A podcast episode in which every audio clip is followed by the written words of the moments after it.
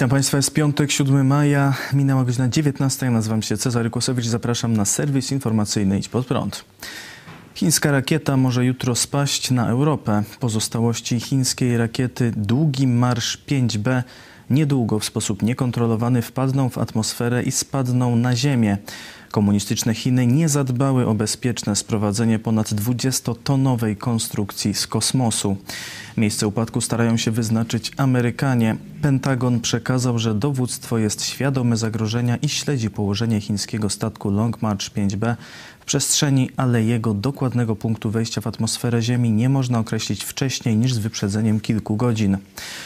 Jonathan McDowell, astrofizyk z Uniwersytetu Harvarda, powiedział brytyjskiemu dziennikowi The Guardian, że prawdopodobnie fragmenty rakiety przetrwają ponowne wejście w atmosferę i będzie to odpowiednik małej katastrofy lotniczej rozrzuconej na przestrzeni 160 kilometrów. Oszacował, że korpus chińskiej rakiety może uderzyć na bardzo szerokim obszarze, od szerokości geograficznej na poziomie Nowego Jorku, Madrytu i Pekinu, aż po południowe Chile i Wellington w Nowej Zelandii. Polska znajduje się poza tym obszarem. Cała ta sytuacja jest ewidentnym zaniedbaniem i sprawia, że chińscy projektanci rakiet wyglądają na leniwych, że nie zajęli się tym problemem, stwierdził McDowell. Rakieta wystartowała 29 kwietnia, wyniosła na orbitę pierwszą część budowanej chińskiej stacji kosmicznej. To już trzecia próba budowy stacji kosmicznej przez Chiny. Pierwsza stacja Tiangong-1 spadła do Oceanu Spokojnego w 2016 roku. W 2019 roku Chiny rozmontowały drugą stację Tiangong-2. Chińska rakieta będzie najcięższym od co najmniej 30 lat odpadem kosmicznym, jaki spadnie na Ziemię bez kontroli. Jednak już wcześniej Chiny zostawiały rakiety samym sobie. Szczątki poprzedniej rakiety z serii Długi Marsz nie uległy całkowitemu spaleniu w atmosferze i spadły na zamieszkałe tereny afrykańskiego wybrzeża Kości Słoniowej, niszcząc kilka domów. Szczęśliwie nikt nie został ranny. Od 15 maja nie będzie obowiązku noszenia masek na zewnątrz. W Dzienniku Ustaw opublikowano rozporządzenie opisujące stopniowe znoszenie obostrzeń epidemicznych. Od 15 maja nie trzeba będzie zakładać maseczki na zewnątrz pod warunkiem utrzymania dystansu co najmniej 1,5 metra od innych osób. Nadal maska będzie jednak obowiązywać w miejscach ogólnodostępnych, czyli na drogach i placach, cmentarzach, promenadach, bulwarach i parkingach. Ta regulacja ma obowiązywać do 5 czerwca. Ponadto od 8 maja stopniowo przywracana będzie działalność hoteli, ale z limitem 50% zajętych pokoi. Od 15 maja restauracje będą mogły serwować posiłki w ogródkach gastronomicznych. Od 29 maja dopuszczone będzie spożywanie posiłków w lokalach pod warunkiem, że klienci do czasu zajęcia miejsca będą mieli zakryte usta i nos. Ponadto zajęty będzie mógł być tylko co drugi stolik. 453 zgony i 6 tysięcy nowych zakażeń chińskim koronawirusem to dane przekazane dziś przez Ministerstwo Zdrowia. Łącznie z powodu wirusa zmarło w Polsce już 69 tysięcy osób. Liczba hospitalizowanych osób zakażonych spadła od wczoraj o ponad 1000, obecnie wynosi 18 100. W leczeniu zakażonych wykorzystuje się obecnie 2200 respiratorów. Szczepionkę przeciw koronawirusowi otrzymało już ponad 9 milionów 700 tysięcy Polaków. W tym ponad 3 miliony 200 tysięcy otrzymało już dwie dawki lub zostało zaszczepionych jednodawkową szczepionką Johnson Johnson. Wczoraj wykonano rekordowe 403 tysiące szczepień.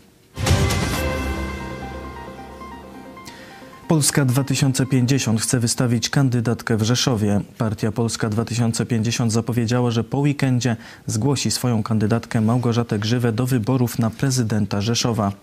Grzywa była wójtem Oświęcimia w latach 2010-2014. Choć nazwa jej partii wzbudza skojarzenia z Szymonem Hołownią, to jednak ugrupowanie to nie ma związku z tym politykiem. Partia jeszcze niedawno nazywała się 1PL. W październiku zmieniła nazwę na Polska 2050, wyprzedzając Szymona Hołownię w rejestracji nazwy. Rosja nie spieszy się z wycofaniem spod ukraińskiej granicy. Część rosyjskich sił wciąż pozostaje przy ukraińskich granicach, powiedział wczoraj sekretarz stanu USA Antony Blinken po spotkaniu z prezydentem Ukrainy Wołodymyrem Zełenskim w Kijowie. Zełenski przekazał, że z Krymu zaczęto wycofywać tylko 3,5 tysiąca żołnierzy rosyjskich. Na dziś widzimy, że z tych dziesiątków tysięcy żołnierzy i sprzętu tylko 3,5 tysiąca wojskowych rozpoczęło wycofywanie i opuściło terytorium tymczasowo okupowanego Krymu. Na razie nie widzimy nigdzie indziej zmniejszenia, powiedział prezydent Ukrainy. Natomiast szef ukraińskiej Straży Granicznej Serhii Dejneko poinformował, że widać wycofywanie żołnierzy z Krymu, ale już w obwodzie woroneskim takich ruchów nie zaobserwowano. W kwietniu Rosja zgromadziła ogromne siły przy granicy z Ukrainą i na okupowanym Krymie. W sumie ponad 110 tysięcy żołnierzy. 22 kwietnia minister obrony Rosji Siergiej Szojgu ogłosił wycofywanie wojsk po zakończonych ćwiczeniach. Eksperci wskazują, że wiele oddziałów ma wyznaczone stałe miejsca dyslokacji blisko granicy, zatem nawet po wycofaniu zostaną w pobliżu Ukrainy. Joshua Wong usłyszał kolejny wyrok. Jeden z najbardziej znanych prodemokratycznych aktywistów z Hongkongu, Joshua Wong, został skazany na 10 miesięcy więzienia za organizację w ubiegłym roku czuwania w rocznicę masakry na placu Tiananmen. Wyroki 6 i 4 miesięcy więzienia usłyszało także troje innych aktywistów. Sąd uznał, że działacze złamali prawo organizując obchody rocznicy masakry, które rok temu po raz pierwszy były w Hongkongu zakazane. Propekińskie władze regionu tłumaczyły wtedy zakaz zagrożeniem epidemicznym oraz względami bezpieczeństwa i porządku publicznego. Dwa lata temu w obchodach udział wzięło 140 tysięcy Hongkończyków. Joshua Wong już odbywa karę więzienia za udział i organizację innych protestów w Hongkongu. Zesłanie do obozu za słuchanie K-popu. Trzech nastolatków zostało w Korei Północnej zesłanych do obozu reedukacyjnego po tym, jak zostali przyłapani na słuchaniu muzyki pop z Korei Południowej. Północnokoreańskie Ministerstwo Bezpieczeństwa Społecznego stwierdziło, że młodzi dopuścili się antysocjalistycznych zachowań, takich jak ścięcie włosów na wzór południowo-koreańskich nastolatków oraz śpiewanie południowo-koreańskich piosenek. Ministerstwo zdecydowało także o wydaleniu z powiatu rodzin nastolatków za tolerowanie zachowań swoich dzieci. Portal Daily NK opisujący wydarzenia z Korei Północnej podaje, że na uczniów doniósł ich rówieśnik. Po aresztowaniu młodych urzędnicy przeprowadzili w całym kraju serię wykładów pod tytułem Pozostańmy w stanie wysokiej gotowości, aby jednoznacznie odrzucić napływ nieczystych elementów i wrogiej propagandy imperialistów. Indie mówią nie chińskiemu sprzętowi w sieci 5G. Rząd Indii ogłosił, że nie dopuści sprzętu z komunistycznych Chin do testów sieci 5G. Testy mają trwać pół roku i weźmie w nich udział czterech indyjskich operatorów. Telekomy dostały zgodę na korzystanie tylko ze sprzętu firm Nokia, Ericsson i Samsung. Oznacza to, że w budowie indyjskiej sieci 5G nie wezmą udziału firmy chińskie, takie jak Huawei i ZTE. Podobną decyzję prawdopodobnie podjął włoski operator Telecom Italia. Agencja Reutera, powołując się na źródła, podaje, że operator planuje anulować umowę z Huawei na dostawę sprzętu do budowy części sieci 5G. Według źródeł chińska firma otrzymała już stosowne pismo w tej sprawie od włoskiego operatora.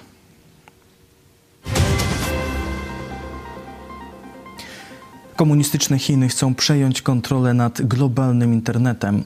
Przywódca komunistycznych Chin Xi Jinping osobiście nadzorował początki działań Pekinu na rzecz przejęcia kontroli nad globalnym internetem. Portal The Epoch Times podaje, że dotarł do dokumentów, według których chiński przywódca miał zlecić państwowym urzędnikom opracowanie operacji kontrolowania sieci. W dokumentach zostało opisane przemówienie chińskiego przywódcy z 2017 roku, w którym mówi on o tym, jak władza kontrolowania internetu stała się nowym punktem centralnym chińskiej strategii narodowej. Przemówienie zostało wygłoszone podczas czwartego posiedzenia Centralnej Komisji do Spraw Cyberprzestrzeni. Strategia przejmowania kontroli nad internetem została rozdzielona na trzy obszary. Po pierwsze, Pekin ma uzyskać możliwość ustalania reguł rządzących systemem międzynarodowym. Po drugie, na kluczowych stanowiskach w globalnych organizacjach zajmujących się siecią zasiąść mają urzędnicy powiązani z Komunistyczną Partią Chin. Po trzecie, Chiny mają przejąć infrastrukturę stanowiącą podstawę sieci, taką jak serwery. W końcu udany test rakiety Ilona Maska do pięciu razy sztuka. Marcin Palimonka. SpaceX ogłosiło powodzenie testu prototypu statku kosmicznego Starship, podczas którego rakieta wzniosła się na wysokość około 10 km. Następnie wykonała manewr obrotu na bok, opadania i hamowania aerodynamicznego. Tuż przed lądowaniem Starship wrócił do pozycji pionowej i wykonał pomyślnie manewr hamowania i lądowania przy pomocy silników. Jedyną awarią był mały pożar spowodowany metanem wydobywającym się z rakiety tuż po lądowaniu. Jednak udało się go ugasić za pomocą naziemnych systemów gaśniczych. Był to piąty test Starship na dużej wysokości. Poprzednie pięć prób zakończyło się zniszczeniem rakiety przy lądowaniu lub zaraz po nim. Prototyp SN-15 ma wysokość 46 metrów, czyli około 16 pięter. W najnowszej wersji wykorzystano nową generację silników Raptor, które są produkowane i rozwijane przez SpaceX. Ulepszono też konstrukcję, awionikę oraz oprogramowanie. Rakiety Starship mają docelowo transportować ludzi na Marsa. Mają być również wykorzystywane do szybkiego transportu między odległymi miejscami na Ziemi. W ostatnim wywiadzie Musk stwierdził, że pierwsza podróż na Marsa będzie ryzykowna, a jej uczestnicy będą walczyć o przetrwanie. Wielu prawdopodobnie umrze.